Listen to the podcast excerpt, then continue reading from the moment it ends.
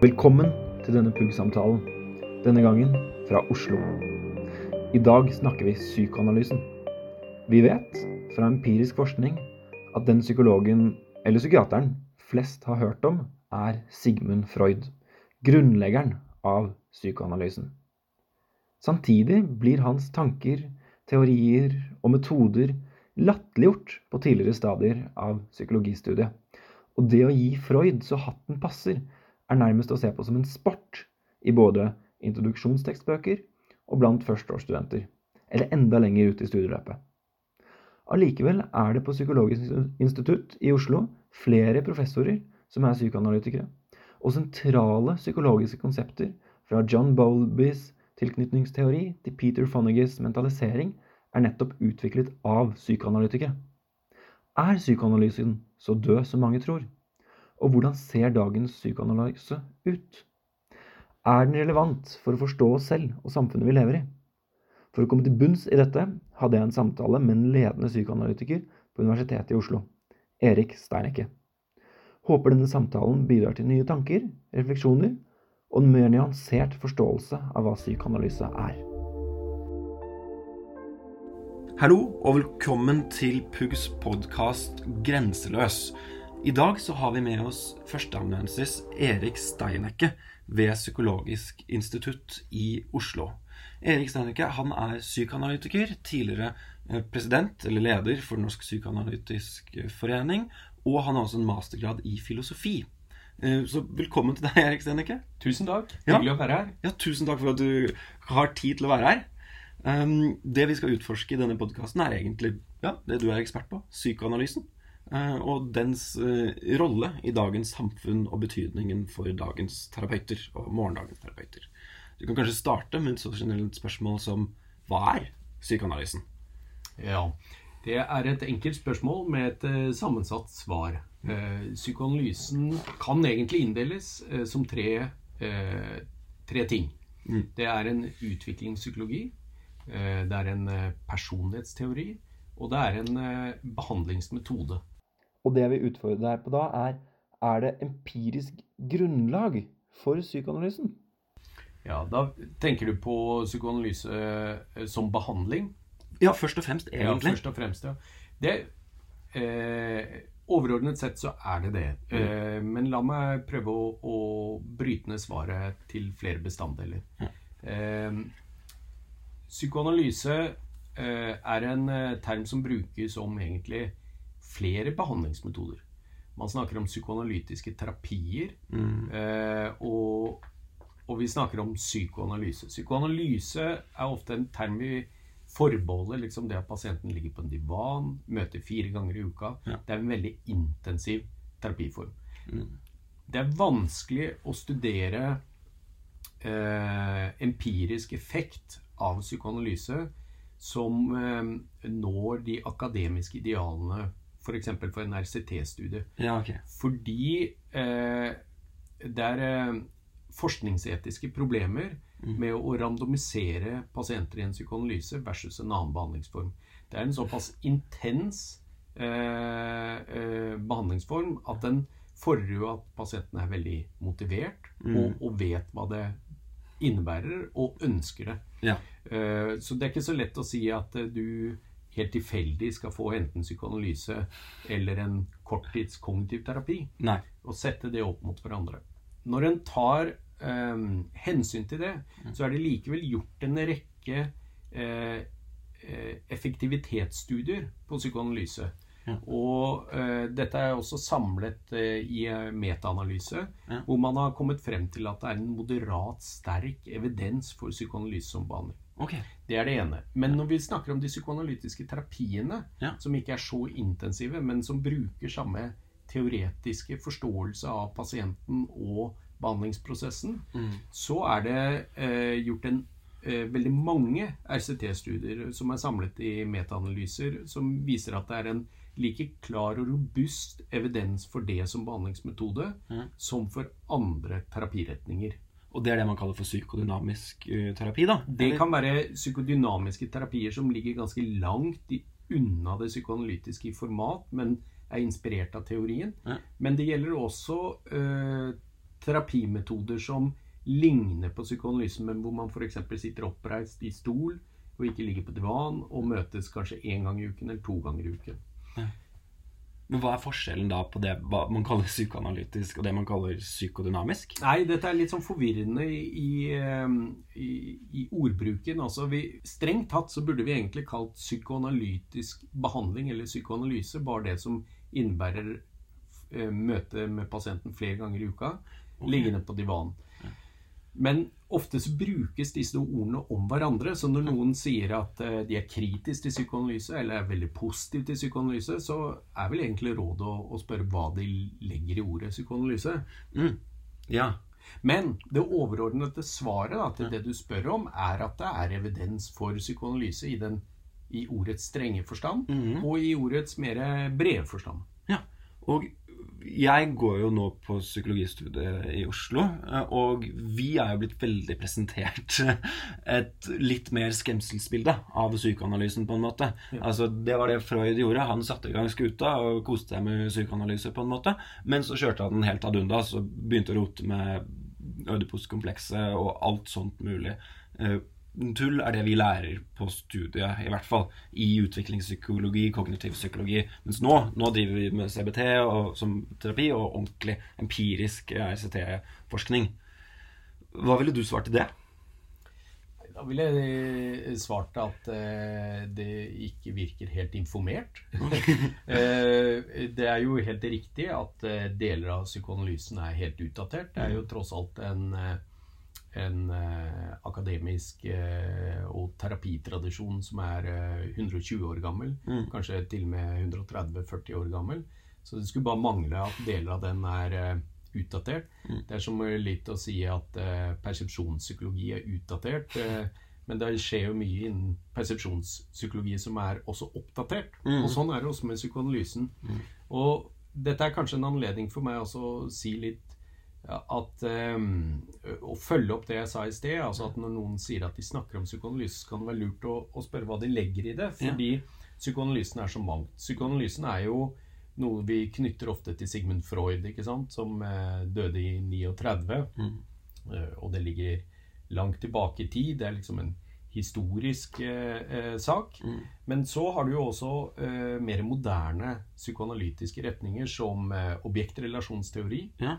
Eh, selvpsykologi, relasjonell psykoanalyse og den franske psykoanalysen. Ja. Og flere av disse eh, ble utviklet mer i eh, rett etter krigen, så de er også ganske gamle. Noen av de oppsto mer på 80-tallet og 90-tallet. Ja. Og, og, sånn som objektrelasjonsteori er en veldig levende tradisjon som er stadig i utvikling. Eh, et godt eksempel på en sånn oppdatert eh, versjon av det i forhold til forskningsfronten vil jo være miljøet til Peter Fonnegy i London. Ja, for hva er det han driver med? Nei, altså Fonnegy har jo eh, utviklet eh, dette med mentaliseringsbasert terapi. Mm. Og forsker veldig mye på dette han kaller mentalisering. Altså det, hvordan forstå oss selv eh, og andre.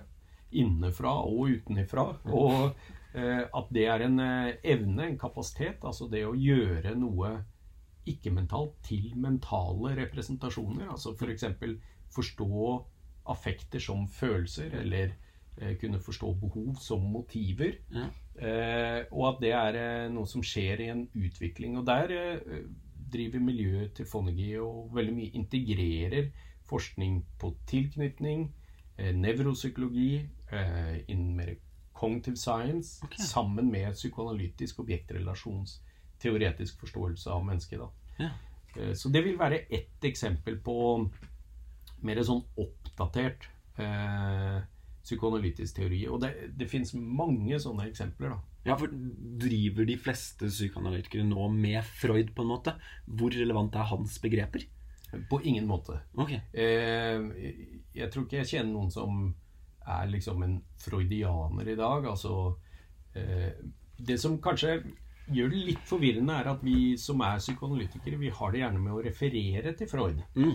Eh, men det handler mer om at vi har et litt sånn forhold til eh, de klassiske tekstene sånn som man har innen humaniora. Mm. Eh, eksempel hvis dere, du studerer eh, filosofi, Ja. så vil du referere tilbake til Platon eller Aristoteles eller Kant eller Hegel eller hva det skulle være, selv om du driver med moderne teori. Ja. Eh, Og sånn er det også innen psykoanalysen, altså at man refererer tilbake til opphavet av teorien, Ja. men vel så ofte som å da Eller kanskje mer ofte enn å referere tilbake til Freud av respekt, så er det jo fordi man er uenig i Freud Okay. og viser liksom det historiske opphavet til en teori, og, og vise hvordan den er annerledes i dag, hvordan man forstår dette på helt andre måter. Ja.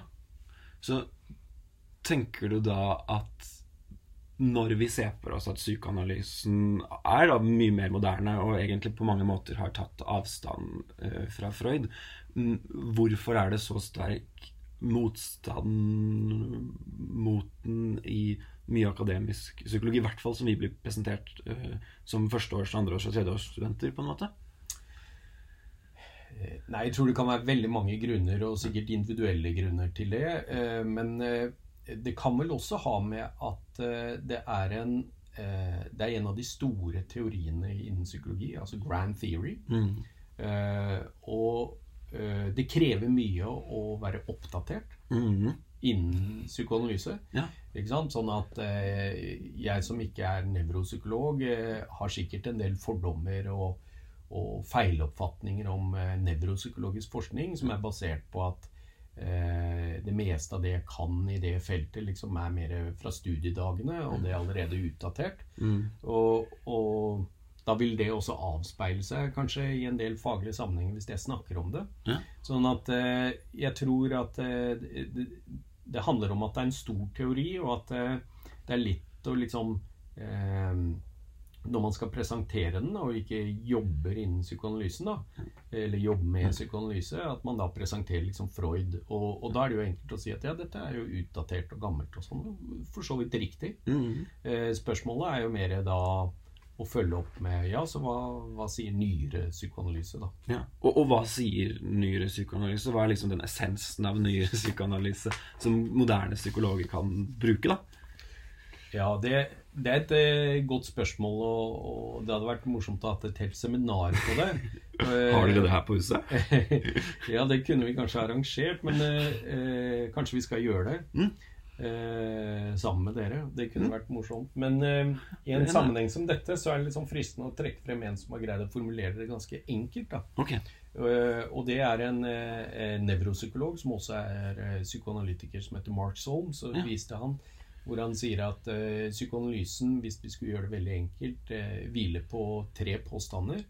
Eh, den første er at barnet, når det er født, eh, er ikke født tabula rasa, altså som en eh, blank tavle. Den har eh, medfødt en rekke behov. Mm. Og disse behovene oppleves og kommer til uttrykk som følelser i oss. Okay. Og under utviklingen til barnet så er en av hovedoppgavene å lære det barnet, både eh, fra omsorgsgivernes side, men også barnets egen eksplorering av verden, er for å lære seg måter å håndtere og tilfredsstille disse behovene. Ok. Er det de tre? Eh, nei, og det tredje, Ja. det er da at eh, de fleste strategiene barnet lærer seg for å håndtere og tilfredsstille disse behovene, som kommer til uttrykk som følelser, Mm. foregår ubevisst for barnet. Ja. Så første er at man er født, ikke er født som tabula rasa, men er født med indre behov. Andre er at de kommer til uttrykk som ø, følelser som man må regulere. Ja, eller det henger sammen med det første poenget. Ikke sant? Ja. Ja. Og Og, det andre er mer dette at eh, det utviklingspsykologiske prosjektet for barnet Ja. er å, å lære seg eh, strategier for å håndtere og tilfredsstille behovene. ja. Og at det tredje er at det er ubevisst. Ok. Og det høres jo egentlig på en måte litt likt som mye av det mm, kognitiv psykologi har lært oss, på en måte, og nevropsykologi. At man er ikke bevisst nevrologiske prosesser i hjernen sin, liksom. Hele forskningen på biaser og heuristikk, på en måte, er jo Ja. ting som skjer som man ikke vet at skjer, liksom. Ja, helt riktig. Jeg er helt enig. Så det, det er veldig mye med den psykoanalytiske øh, psykologiforståelsen som er øh, helt på linje med kognitiv forståelse og nevroforståelse av mennesket. Og den psykoanalytiske behandlingen er jo da lagt opp på en måte Og det er kanskje der den skiller seg litt fra andre terapimetoder. Den er lagt opp på en måte sånn at du skal kunne hjelpe pasienten til å bli kjent med disse behovene Mhm. og følelsene sine. Finne mer hensiktsmessige måter, hvis de strever med det, noe pasienter ofte gjør da når de har en psykisk lidelse. Hjelpe dem å finne mer hensiktsmessige måter å øh, håndtere og tilfredsstille behovene sine. Og ikke minst få til en endring av det som foregår av ubevisste strategier. For det er ofte det som er vanskelig. ikke sant? Altså, det, I korttidsterapier så møter vi jo pasienten mer som en rasjonell aktør som Ja. er samarbeidende om prosjektet Ja. og motivert til endring. Og hvor vi tenker rasjonelt om de problemene pasienten har, Ja. om hva som skal til for å endre det. Mm. Og det fungerer på veldig mange. Det er vel og bra. Men styrken til den psykoanalytiske behandlingen Mm. er at vi også jobber da med det pasienten ikke er i stand til å representere eller ordlegge, Ja. og det som skjer da ubevisst.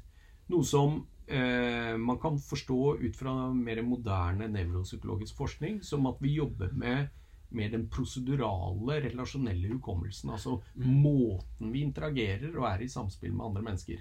Men det tar vel ganske lang tid Det er akkurat det. å få til, på en måte? Det tar tid. Ja. Og, og derfor er det heller ikke førstevalg av eh, behandlingsmetode, sånn som jeg tenker på det. Eh, jeg tenker at eh, et eh, offentlig psykisk helsevern bør ha en, en bredde, en pluralisme av ulike terapimetoder, Ja. der en eh, prøver på enklest mulig måte å hjelpe de borgerne i landet vårt som har psykiske problemer. Ikke Og da er det lurt å, å først tilby eh, korttidsterapier. Ja. Og hvis det ikke hjelper, så må vi ha noe som eh, hjelper de som ikke får hjelp av det, som hjelper de fleste. Okay. Og psykoanalysen blir på en måte da en behandlingstilbud Mm. eh, for dem med veldig sammensatte problemer som ikke får hjelp av andre metoder. Så man kan på en måte se på psykoanalysen litt som eh, hjernekirurgi, på en måte. Altså det er siste linje og mest inngrepende, men det er det man gjør med ting ingenting annet funker på. Ja, det, det er en måte å se på det. Ja. At det er for dem eh, som eh, har prøvd det meste annet. Ja. Eh, Det er siste utvei. Ja. Og så er det selvfølgelig en eh, behandlingsmetode eh, som har et mer sånn selverkjennelsesprosjekt. Som veldig ofte helsearbeidere selv, altså psykologer, sykepleiere, leger eh, og andre profesjoner som jobber tett med mennesker som prester f.eks., pleier å oppsøke fordi de eh, kan kjenne at de trenger å forstå seg selv bedre for å ikke liksom bli eh, dratt inn i eh, samarbeidsproblemer med pasientene sine, f.eks. Ok, for der har vi Vi har jo på en måte mange forskjellige forelesere på og jeg hadde en foreleser for noen uker siden eh, som var veldig på dette med at Hvorfor gidde å gå dypere, liksom? Eller alle trenger ikke å gå dypere. Det er ikke noe mål i seg selv å gå dypere. Eh, Symptomet er det eneste vi skal behandle. Um, og at ja, det er egentlig unødvendig, det behovet for å gå dypere. Men, men det er jo sentralt i psykoanalysen. Det er helt sentralt i psykoanalysen, ja. Ja. Men jeg ville være enig i den eh, foreleseren at eh, det er ikke nødvendig i seg selv å gå dypere. Det, det, det å gå dypere er jo eh, hvis det skulle vise seg å være nødvendig. Ikke sant? Eller at du ønsker det. Mm, ja. Sånn? Så man kan fremdeles Det, det kan være en selvutforskelsesprosess også. Ja. Ja. Og, og mange pasienter vil jo få hjelp av behandlingsmetoder som er mer symptomorienterte enn sånn som vi også ofte kaller de dynamiske og psykoanalytiske terapiene, som innsiktsorienterte. Okay. Og at et mer symptomorientert terapi kan være vel og bra, Ja. kanskje for de aller fleste. Ja. Men det er ikke alle som får hjelp av det, og, og det er også enkelte som ikke ønsker et sånt fokus på sine problemer. Og det er jo helt fair, det også, på en måte. Eh, Men jeg, jeg syns det er veldig veldig interessant at du kobler eh, at, at det er mulig å koble psykoanalyse og uh, nevropsykologi. For jeg vil tro at veldig mange av de som hører på denne podkasten, så er de to begrepene motsatt ende av psykologien, på en måte.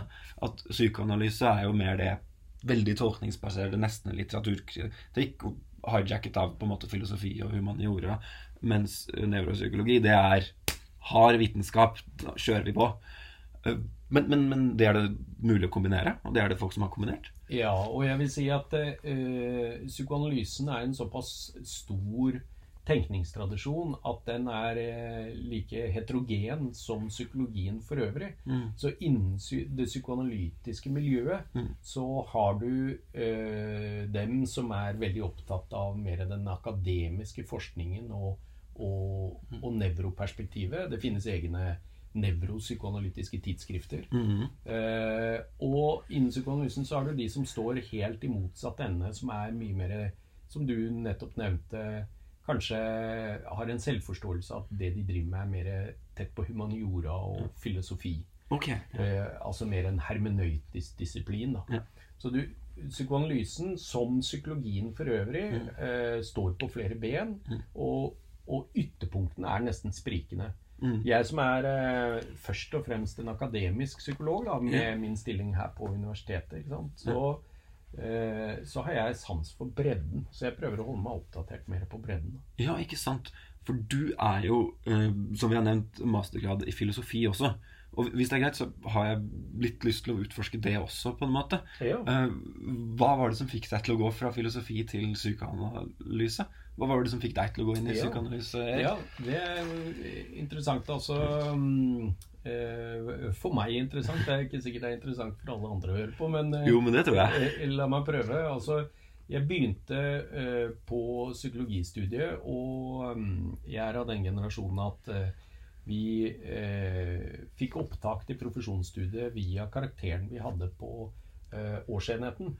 Ja, for det har de fremdeles i Tromsø? Eller hatt det ganske lenge? Nettopp. Mm. Og, men da oppsto det et problem, at det ble en kø. da ja. eh, der vi måtte vente på plass på profesjonsstudiet. Det var flere som fikk det eh, karakterkravet som liksom ga deg billetten inn på profesjonsstudiet, enn det var plass til. Mm. Og jeg, jeg, måtte vente fire år. Okay. Og i den fireårsperioden så begynte jeg på filosofi og tenkte at eh, jeg skulle droppe psykologi. Mm. Eh, og da tok jeg denne masteren, og jeg hadde en plan om å gå videre med en doktorgrad. Mm. Eh, men underveis på filosofistudiet så fordypet jeg meg i kan du si, mer moderne filosofi som reflekterer over dette med klinisk arbeid og psykoterapi. Ja. Eh, jeg var opptatt av eksistensialistene. Mm -hmm. Jeg var opptatt av fenomenologi. Ja. Og eh, jeg var opptatt av mer kritisk teori i Frankfurt-skolen. Ja. Eh, og det gjorde at jeg ble kjent med psykoanalysen egentlig først og fremst på filosofi. Okay. Og når jeg ble kjent med psykoanalysen på filosofi, så eh, ombestemte jeg meg. Da ble det veldig klart for meg at eh, det å livnære seg som filosof mm. i dagens samfunn er ikke en enkel jobb. Eh, men hvis jeg blir psykoanalytiker, ja.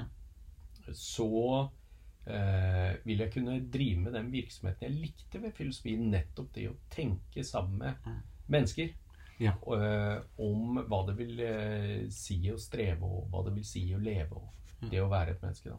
Eh, så da bestemte jeg meg å gå tilbake til psykologistudiet. Ja. Og etter det tok en etterutdanning i psykoanalyse. Uh, og så ble jeg opptatt av å forske på dette med psykoanalyse, og etter hvert også å forske mer bredt. Altså I dag forsker jeg ikke bare på psykoanalyse, men også psykoterapiforskning. Ikke sant? Uh, men jeg har jo fortsatt den interessen fra filosofi med meg inn i jobben her eh, på Psykologisk institutt, ved at jeg er veldig opptatt av mer sånn vitenskapsfilosofiske spørsmål og grunnlagsproblemet ved psykologien for øvrig. Da. Ja, og da på en måte om, Det er veldig relevant til det vi snakker om, om psykoanalysen har en verdi, på en måte, og, og ja. om den har et grunnlag. Ja. Mm.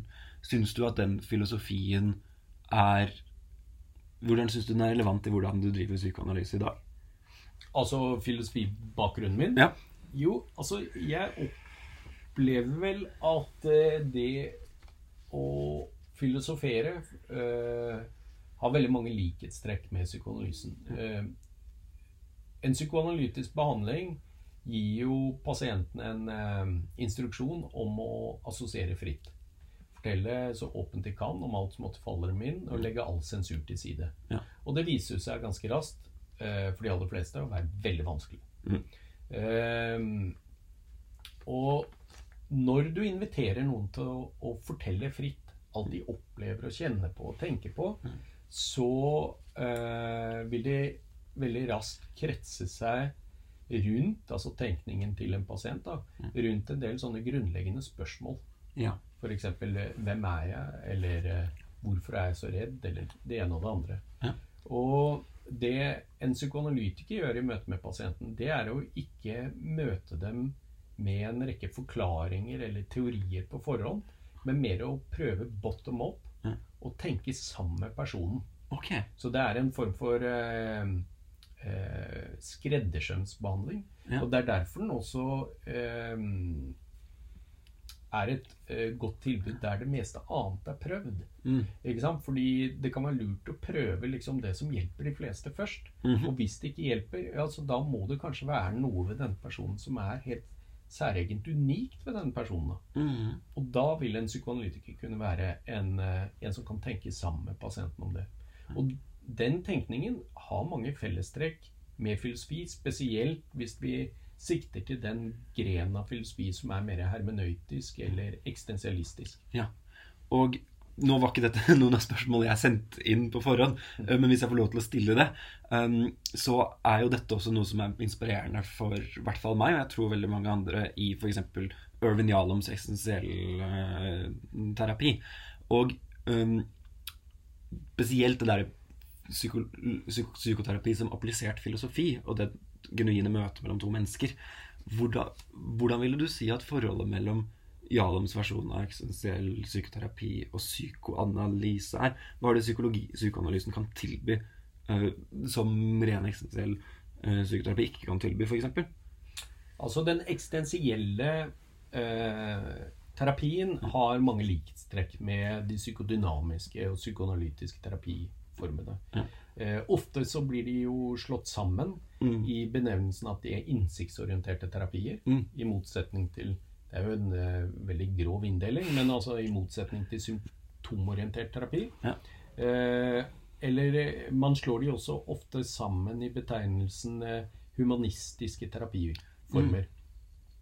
Når det er sagt, så er jo den eksistensielle terapien basert på en litt annen menneskeforståelse og patologiforståelse. Mm.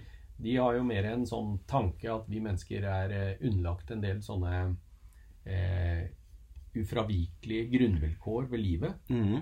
F.eks. at vi er frie, ensomme, dødelige. Ja.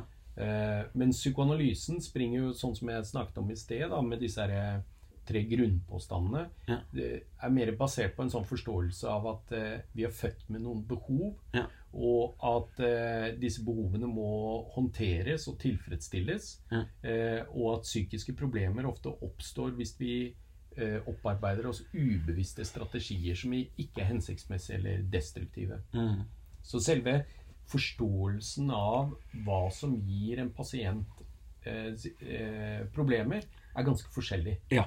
Eh, men i møte med pasienten Mm. så er det kanskje ikke så ulikt for oss. Den eksistensielle terapeuten, sånn som Jørlung Ja. eh, eller Spinelli, britisk eksistensiell terapeut, Ja. så har jeg et inntrykk av at de også møter pasienten veldig åpent og vil være en form for medtenker Ja. om det som er helt unikt for den enkelte. Mm. Så i, i praksis så er det ikke sikkert det er så ulikt, men selve forståelsen av problemet og forståelse av mennesket er ganske ulikt. Og, og på mange måter så vil jeg si at, og du nevnte det jo selv, at den psykoanalytiske menneskeforståelsen eller den psykoanalytiske psykologien er mye mer, eh, har mye mer til felles for moderne nevropsykologi og Mm. kognitiv psykologi og sånn, enn den eksistensielle. Okay, ja.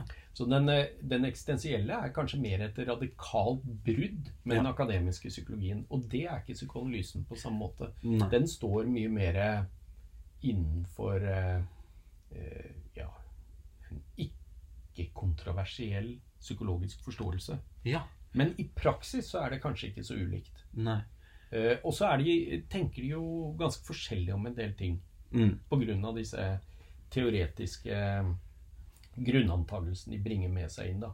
Ta ett eksempel, og kanskje mest kjente, er jo at eh, eh, eh, de eksistensielle terapeutene vil jo si at den, eh, eh, mest grunnleggende form for angst, det er dødsangst. Mm.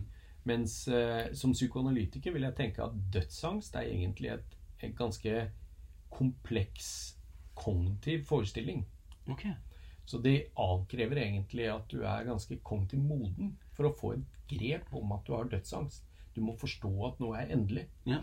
Og eh, barn ned i to, kanskje mer tre-fireårsalderen kan begynne kognitivt å forstå døden. Ja. Men spedbarn lenge før det kan ha angst. Sånn at eh, i et psykoanalytisk perspektiv så vil jeg tenke at mer prototypen på angst er ikke dødsangst, men det er kanskje mer eh, separasjonsangst. Ja. Så der, der ser du liksom eh, noe av den grunnleggende forskjellen i å tenke om mennesket. da. Mm. Men i praksis så blir det kanskje ikke så forskjellig. Og det, jeg har jo også lagt merke til at eh, Jarlom er en veldig god forfatter. Mm, ja. Og han har jo skrevet mye nå på sine eldre dager. Og eh, han eh, I en av sine bøker, jeg husker ikke i, i farten hvilken det var, så tok han selv opp spørsmålet hvorfor han ikke ble psykoanalytiker. Eh, Mm. du kjenner kanskje til den? ja. Ja, jeg tror jeg han snakket om det i The Gift of Therapy. Ja, det tror jeg stemmer. Ja. Det tror jeg stemmer, ja. Og, og da er han jo inne på at han har veldig mye felles med psykoanalytikeren. Men han syns de blir litt omstendelige. Mm. eh, og, og lager veldig mye teorier om alt mulig. Mm. Mens han vil liksom mer møte pasienten mer spontant og åpent og sånn. Mm. Men han jeg mener å huske at han innrømmer at hvis han har eh, en pasient han strever veldig med å hjelpe, Ja. så oppsøker han gjerne psykoanalytikere for veiledning. Fordi, som han sier er veldig sånn respektfullt, det er ingen som tar det kliniske arbeidet så seriøst som analytikerne. Det gledet meg å lese. Det kan jeg skjønne. For eh, vi kommer litt inn på altså, mødre og liksom de eh, kontroversielle eller ukontroversielle påstandene til psykoanalysen. Og Der vil jeg at vi utforsker litt tilbake til Freud. Ja. Eh, For jeg siterer en venninne som også går psykologistudiet, da hun hørte at um, jeg hadde samtale med deg, som er psykoanalytiker. Og det første hun sa da Jaså, han er psykoanalytiker. Går han rundt og tror at eh, barn vil ligge med moren sin, f.eks.? Um, og, det er Ødipus-komplekset. Um, og det er jo et kompleks som, sånn jeg har forstått det, i våre lærebøker, og også blant måte folk som har grunnleggende kunnskap om psykologi, uh, brukes som et slags kroneksempel på at hva søren er det psykoanalytikerne driver med? Mm. Hva tenker du om Ødipus-komplekset i den generelle konteksten at psykoanalysen har utviklet seg fra Freud? Ja, godt spørsmål. Eh, Altså, Ødipus-komplekset var jo veldig viktig for Freud, og det var noe han mente han oppdaget i sin selvanalyse. Mm. Så N var jo lik 1. Og eh, en av eh, de eh, sterke kritikkene mot Freuds teorier er jo måten han generaliserer fra et eh, lite antall, da. Ja. Eh, Et eh, lite empirisk antall.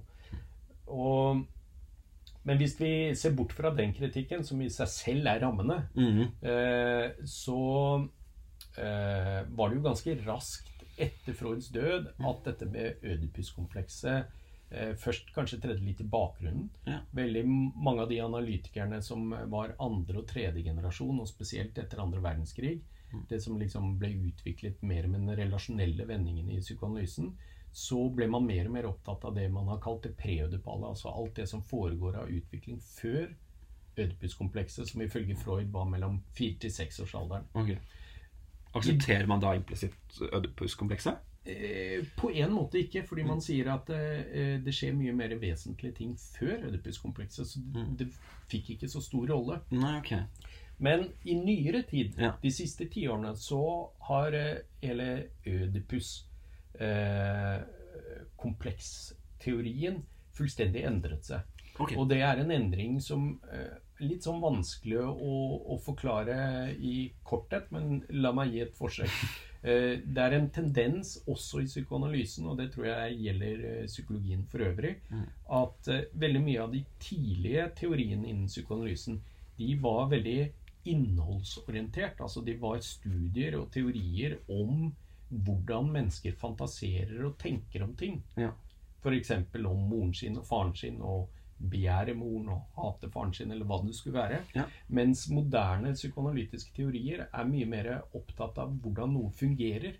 Mer som en funksjon eller mekanisme. Mm. Og da er eh, Når vi snakker om det ødipale Vi sier sjelden i dag eh, i moderne psykoanalyse det ødipuskomplekset. Vi kan noen ganger snakke om det ødipale. okay. Og da er det mer en referanse egentlig til en eh, eh, Når denne funksjonen oppstår, nettopp i fire-seksårsalderen. Ja.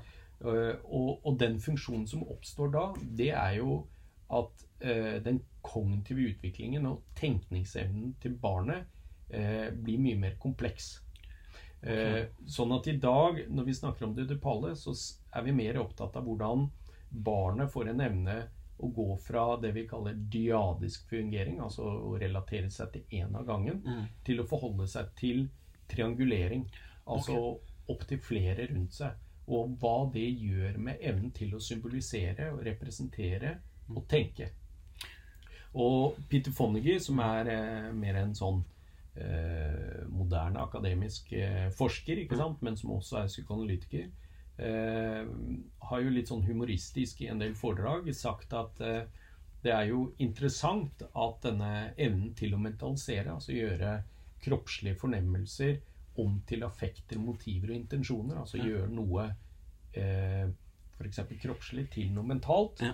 eh, eh, den evnen har en eksplosiv utvikling i samme periode av barnets liv som Freud tilla Ødipus-komplekset. Ok. Eh, sånn at man i dag er mer opptatt av liksom det som skjer fra fire til seksårsalderen, det er at barnet begynner å orientere seg mot flere enn bare én av gangen, og at det påvirker altså den relasjonelle utvidelsen, eller det utvidede relasjonelle repertoaret, påvirker den kognitive evnen. Mm. Og det kan vi noen ganger kalle ødipalt. Men da er det mer eh, en sånn språklig rest fra Freud. Men dette med å ligge med moren sin og sånn, som venninnen din var inne på, det er på en måte mer ute. Ja, ok, det er det. Når det er sagt, Mm. så er det jo ikke uvanlig i psykoanalytiske behandlinger ja. at pasienter forteller om den type fantasier. Mm. Det er ikke så uvanlig. Men, men det er ikke sånn at vi som psykoanalytikere er så opptatt av å tolke det. Nei. I så fall er det noe som kommer fra pasienten selv. Ok, greit. Så det, det er ikke forutgående eh, teori lenger, og det betyr noe helt annet. Ja, helt riktig. Jeg syns nesten det er litt sånn fascinerende å følge det begrepet som et slags eksempel på hvordan psykoanalysen som helhet har utviklet seg. Ja, det er et godt poeng. også. Ja. Um, og så lurer jeg litt da på en måte på moderne psykoanalyse. Vi er jo nå i, på Psykologisk institutt, på en måte. Um, I universitetet. Ikke på en måte, vi er her. Vi er her. vi er her uh, i Oslo. Og uh, populært kalt PSI. Og da lurer jeg på hvorfor er det mange psykodynamikere og psykoanalytikere her? For det er det jo. Vi har hatt forelesninger med flere, og jeg snakker med deg. Um, hvorfor? Hvorfor er det flere her, ja? Ja. Og kanskje sammenlignet med Universitetet i Bergen og Trondheim og Tromsø? Yes. Eh, nei, det har vel med, med det, det historiske tradisjonene å gjøre. Mm. Eh, som eh, du kjenner, så er vi jo i Harald Schjelderups hus. yes. Og Harald Schjelderup eh, startet jo hele Psykologisk institutt. Han var jo utdannet også filosof, Mm. og fikk omgjort sitt professorat til psykologi. Ja. Og startet instituttet. Og han var også psykoanalytiker. ja.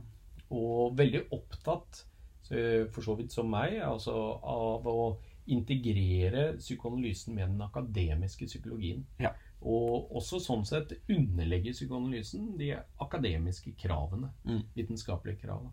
Eh, og Schjelderup hadde jo da en eh, rekke personer som han veiledet i doktorgrad, og som fikk stillinger. og eh, Kanskje den mest kjente som dessverre døde her bare for noe kort tid siden, er jo Bjørn Killingmo. Og eh, vi har jo hatt Siri Gullestad, som nylig har eh, gått av i pensjon, blitt emeritus. Og, og det er flere av oss som har da forsket i miljøet rundt Siri Gullestad og Bjørn Killingmo, og driver med psykoterapiforskning, eh, mer på dynamisk terapi og Ja.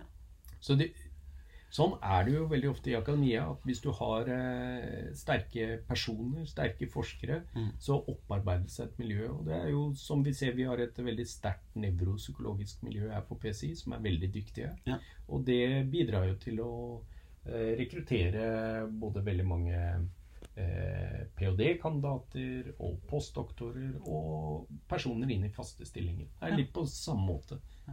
For, og, og der tror jeg vi kommer til noe på en måte som er så sentralt i psykoanalysen at vi nesten ikke kan unngå å snakke med det. Og det er jo drømmer.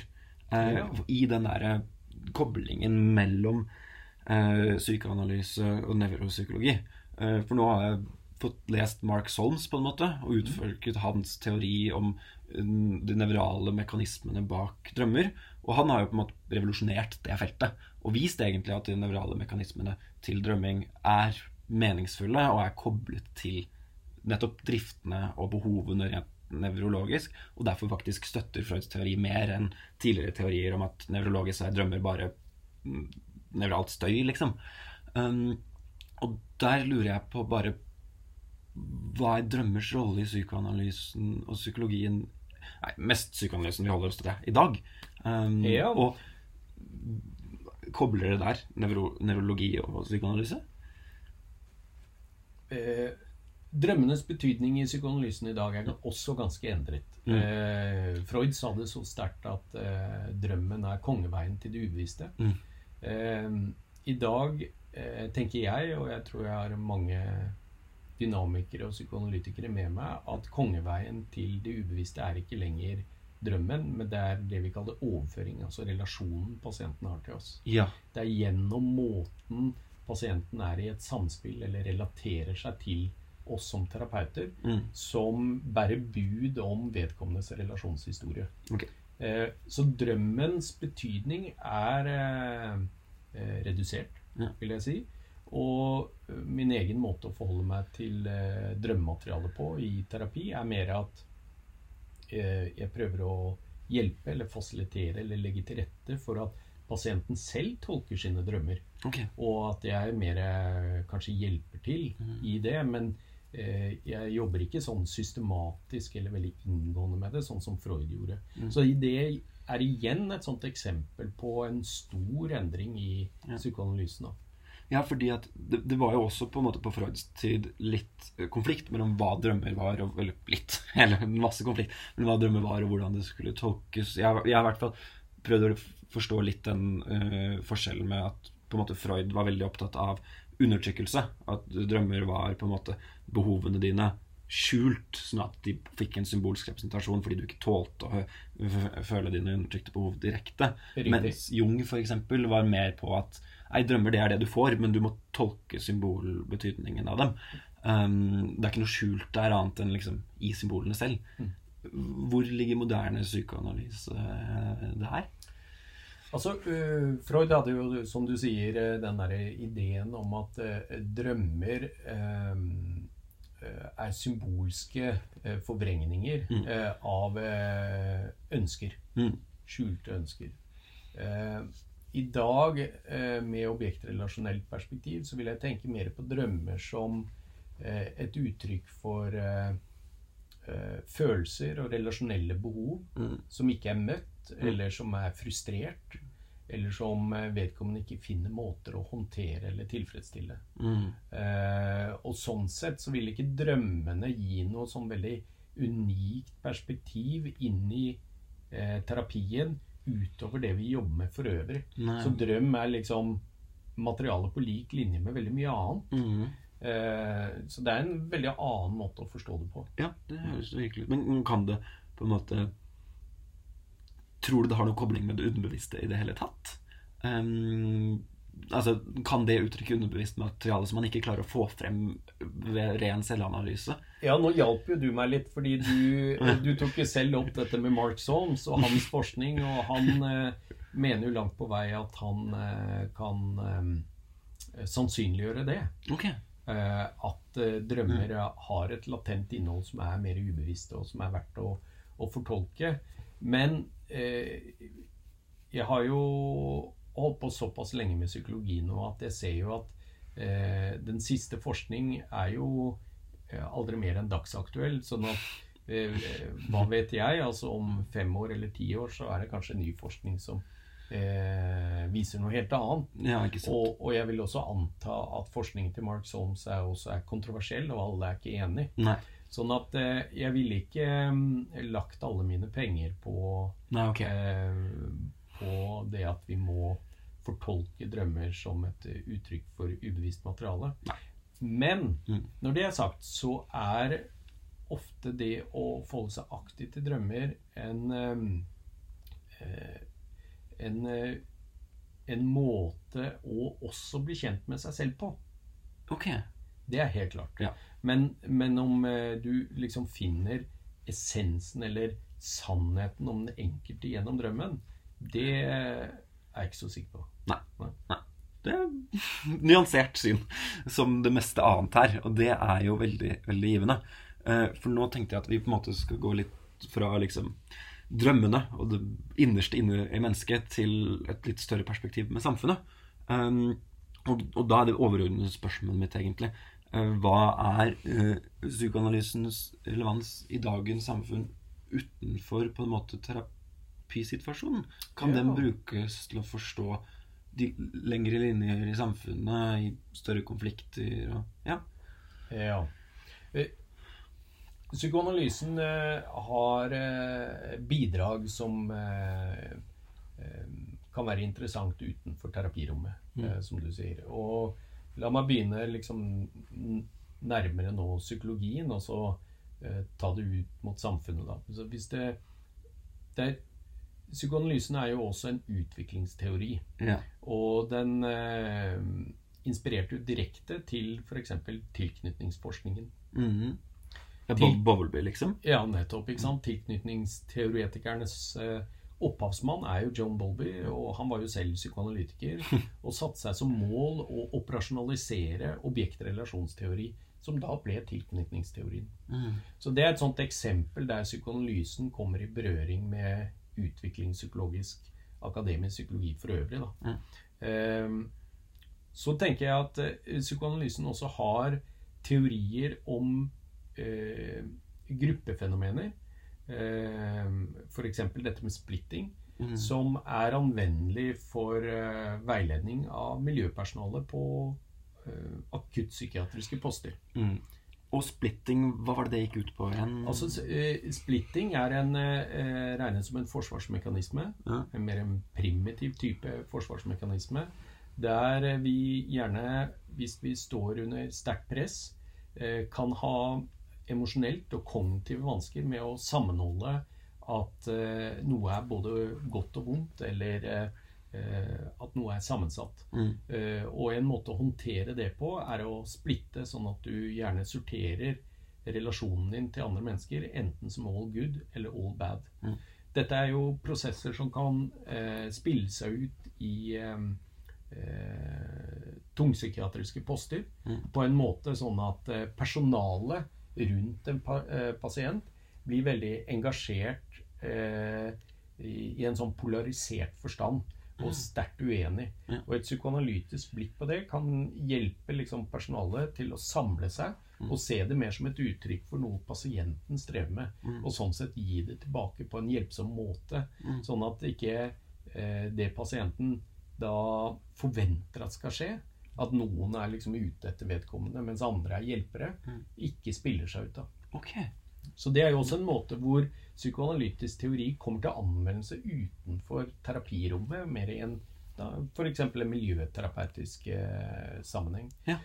Så har du jo også dette med samfunnsanalyser. Det er jo velkjent at psykoanalytisk teori har eh, eh, blitt oppfattet som høyrelevant for eh, samfunnsanalyse. Mm. Eh, mest kjente eksempelet på det er jo Frankfurt-skolen, altså og Horkheimer eh, og, og i vår egen tid Habermas, Monnet. Mm. Eh, og, og her på PSI så har vi jo også eh, sett at eh, f.eks. etter Anders Behring Breivik at Mm. Siri Gullestad ga en analyse av han som er eh, veldig anerkjent og har spredd seg også internasjonalt. Okay. Hvor hun eh, bruker psykoanalytisk perspektiv for å utfylle hvordan eh, Breivik sin destruktive, tragiske handlinger var mulig, da. Ja. Så, og, det er også en Er det en analyse av Breivik som individperson, eller alle på en måte de samfunns- og sosiale kreftene rundt han også? Ja, altså det, det, hun gjør som er eh, veldig bra, da, det er at hun viser hvordan eh, rent sånn psykoanalytisk eh, Breiviks psykologi eh, muliggjør den ideologien han står for, og de handlingene han har. Ja. Sånn at det er ikke et sånt reduktivt perspektiv i den forstand at Breivik da bare psykologiseres, mm. men det er hvordan nettopp hans idiosynkratiske eller helt unike eh, psykologiske makeup, kan du si, psykoanalytisk forstått, ja. eh, muliggjør den ideologiske oppfatningen han har, som igjen eh, motiverer han for de grusomme handlingene han foretok seg. Hvor kan man lese denne analysen? Nei, ja, Den, eh, den finner du eh, mange steder. Hun har skrevet om det i flere sammenhenger. Morgenbladet. Ja, ok. I, Så nært I fagtidsskrifter, både på norsk og engelsk. Og. Og også en, en bok som heter 'Syk kultur og samfunn'. Ja. Og for, for det, det, er jo et slags eksempel på at uh, på en måte selv, selv om psykoanalysen analyserer et individ, Anders Behring Breivik, uh, så bruker den jo samfunnsperspektiver og ikke avpsykologiserer han. For da er det mange her på instituttet som ville kommet med, med ristende pekefinger, jf. Madsen, Ole Jakob Madsen. Um, Tenker du at psykoanalysen må være individbasert i sin forståelse av eh, verden, da, som en grand theory av uh, psykologi? Eller er liksom uh, Åpenbart er relasjonelle prosesser plass til, men er det da mulig med et samfunnsperspektiv? Ja, i høyeste grad. Okay. Altså, Jeg nevnte jo Frankfurt-skolen ja. og, og, kritisk teori, og, og, jeg bør jo også nevne eh, Arne Johan Vetlesen i Norge, som har eh, filosof ja. som har eh, driver mye nå med samfunnsanalyse rundt dette med klimakrisen. Okay. Hvor han bruker i mye psykoanalytisk teori. Da. Ja. Sånn at det, det, trenger ikke å være eh, bare individualistisk. Mm. Så har jo den psykoanalytiske teorien også inspirert gruppeanalyse. Altså et mer sånn gruppeanalytisk eh, eh, format på terapi. Ja. Eh, hvor du inviterer da opptil åtte pasienter i en gruppe med en terapeut eller to terapeuter. Ja. Og man eh, jobber med gruppen med et psykoanalytisk perspektiv. Ok. Ha. Kjempespennende. Um, og da uh, tenker jeg på en måte at du har jo Når vi, når vi nevner Arne Johan Vettelsen Du har jo skrevet bok med Arne Johan Vettelsen. Ja. Um, fra hermenetikk til psykoanalyse. Um, jeg tror dessverre ikke vi får tid til å gå gjennom den i denne podkasten. Um, men det må vi kanskje ha en annen samtale til. Um, men, men, det jeg er kanskje mest interessert i da, og da kan du trekke inn den hvis du føler at det er relevant, er hvilke begreper fra psykoanalysen uh, som vi bruker i dagligbegrepet. For man har jo hørt det at liksom Freud er, og psykoanalyse har blitt så begrepssettende da, at vi har endret tenkningen vår til psykoanalyse og Freud uten at vi engang vet det. Mm. Og, og, hvilke begreper er det som avslører det? Ja, altså du tenker sånne eh, ord og uttrykk eh, i hverdagen som liksom har røtter tilbake til det psykoanalytiske. Ja, ja, egentlig. Ja, for det er jo mange, og jeg mm. vet ikke om jeg greier å komme på alle. Men eh, vi kan jo bare nevne noen. Mm. Altså fortrengning. Ja. Eh. Passiv aggresjon. Eh, fars- eller morskompleks. Mm -hmm. eh, Som daddy issues på engelsk, da? Daddy issues, ja. Eh, eller forsnakkelse. Mm. Eller som eh, amerikanere sier, Freudian slip. Mm. De tar jo til og med inn Freud i det. Ja. Eh, noen nevner jo det å bli kastrert i en symbolsk betydning. Ja. Eh, eller projeksjon. Ja. Eh, I mer intellektuelle sammenhenger, men langt fra psykoanalysen, så hender det jo at noen eh, snakker om dødsdrift. Mm -hmm. Fastleger har jeg hørt prate om libido. Okay. Spesielt hvis den er senket. mindreverdighetskompleks osv. Så, videre, og så, videre. så det er jo veldig mye av den psykoanalytiske tankegodset som har blitt eh, hverdagsmat. da. Ja. Og, og en slags Hvis jeg har forstått det riktig, da, en slags essens ved de ordene du nevnte her, er jo egentlig underbevisste prosesser i oss selv, på en måte. At det er veldig stor aksept eh, implisitt i kulturen for at det er mer med mennesket enn det som er i vår bevisste verden. Ja. Og det kan man vel egentlig takke eh, psykoanalysens for i stor grad, selv om, som vi allerede har nevnt, kognitiv og nevro er veldig inne på det samme kjøret.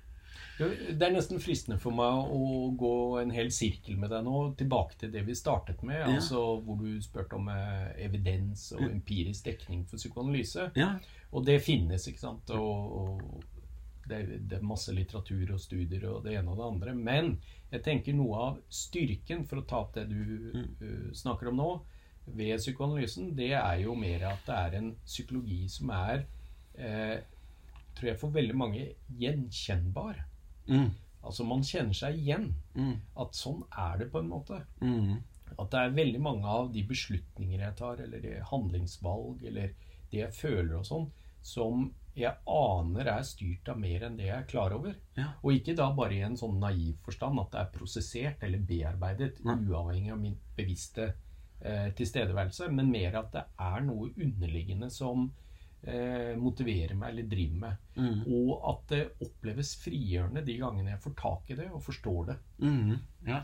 Så det, jeg tror eh, Psykoanalysen må jo underlegges eh, vitenskapelig undersøkelse, sånn som alt annet innen psykologien. Men, men eh, det er også en psykologi som er eh, gjenkjennelig for veldig mange. Og det er jo viktig krysningspunkt for psykologi. Både det menneskelige og det vitenskapelige, liksom. Ja. Det er vel det prosjektet er. Ja, det håper jeg. Så da, da på slutten så lurer jeg på eh, folk som, eller spesielt studenter, da, som er interessert i psykoanalyse, som vi har kommet inn på. Altså, I starten av studiet så lærer vi jo egentlig at Freud kan gå og ta seg en bolle. Eh, hvor, hvor, hvor, hvordan går man frem da, eh, for å dyrke den interessen, og hva skal man gjøre hvis man er en student på Psykologisk institutt eller i Trondheim eller hvor søren man studerer, og er interessert i psykoanalyse? Nå er det jo sånn eh, at eh, profesjonsstudiet er lagt opp at eh, man har veldig mye av basalfagene og grunnforskningen i begynnelsen av studiet. Mm. Og så blir det mer og mer, eh, jo lenger du går på studiet, eh, klinisk orientert. Og eh, det psykodynamiske eh, vil jo komme inn mye sterkere mot slutten av studiet. Ok. Sånn at, eh, men, men det er kanskje et utilfredsstillende svar. Hmm. At dere som studenter som er interessert i dette, bare skal vente. Eh, sånn at det er jo veldig mye å lese Ja. eh, som eh, kan gjøre at en kommer mer inn i det. Og da vil jeg kanskje, eh, vil jeg kanskje anbefale tre bøker, okay. hvis det er greit. Kjør. Eh, vi har jo snakket en del om dette med krysninger mellom psykoanalyse og nevropsykologi. Og hvis det er interesse for det, så vil jeg anbefale Mark Soames og hans helt nye bok som heter 'Hidden Spring'. Mm. Eh, hvis det er mer det historiske og hvordan psykoanalysen har endret seg, Ja. så er det en eh, bok av en som heter Mitchell, Ja. eh, som senere også på studiet er pensum, som heter 'Freud and Beyond', som okay. er veldig bra sånn oversiktsverk. Ja. Og hvis det er mer det derre terapeutiske en er interessert i, så har eh, Siri Gullstad og eh, Bjørn Kilmo skrev en bok som heter 'Underteksten', som også kan sterkt anbefales. Ok, ja. Og er, um, jeg vet i hvert fall at Hidden Spring er jo, den går jo inn i bevissthetsfilosofi og eh, fysikk og alt mulig rart. liksom. Det er jo på en måte en lettleselig bok, men på en annen måte en ikke en lettleselig bok. Eh, hvis, hvilken av de ville du anbefalt eh, som enklest å sette seg inn i? Nei, altså Underteksten er jo veldig pedagogisk skrevet, og den er Mm. på norsk. Eh, Ja. eh, samtidig som det, det som kanskje gjør den litt krevende mm, hvis den er tidlig på studiet, Ja. det er jo at den handler om psykoterapi. Mm. Eh, og, og psykoterapi er jo eh, Det er jo et kunnskapsfelt, men ikke minst er det også ferdigheter. Ja. Og de ferdighetene, eh, for at de skal bli forståelige, så må man prøve de selv. Så sånn sett så kan den også være litt krevende å lese før en liksom begynner med ferdighetskursene da, Ja, eh, på studiet. Så Freud and Beyond er jo kanskje den boka som mest sånn intellektuelt kan gi deg en innføring. da. Ok, ja. Men alle er interessante på hvert sitt felt. Det syns jeg. Mm. Ja, men Er det noe vi burde snakket om som du syns vi ikke har kommet inn på? Bare sånn helt på tampen. Nei, jeg syns vi har dekket ganske mye på kort tid. Eh, Ja. Men eh, jeg har en følelse av at vi kunne gjerne ha fortsatt denne samtalen. Ja, Det kunne vi definitivt. Og du, hvem vet, kanskje vi får en til podkast om disse interessert i bl.a. hermeneutikk og psykoanalyse. Gjerne. Men da vil jeg bare si tusen takk for samtalen, Erik. Og så um, er da dette en podkast fra Psykologisenteret uten grenser. Um, og denne finner du på Spotify og på Grenseløs, og vi legger den sikkert på Facebook også. Og tusen Selv takk. takk. Selv takk. Mm.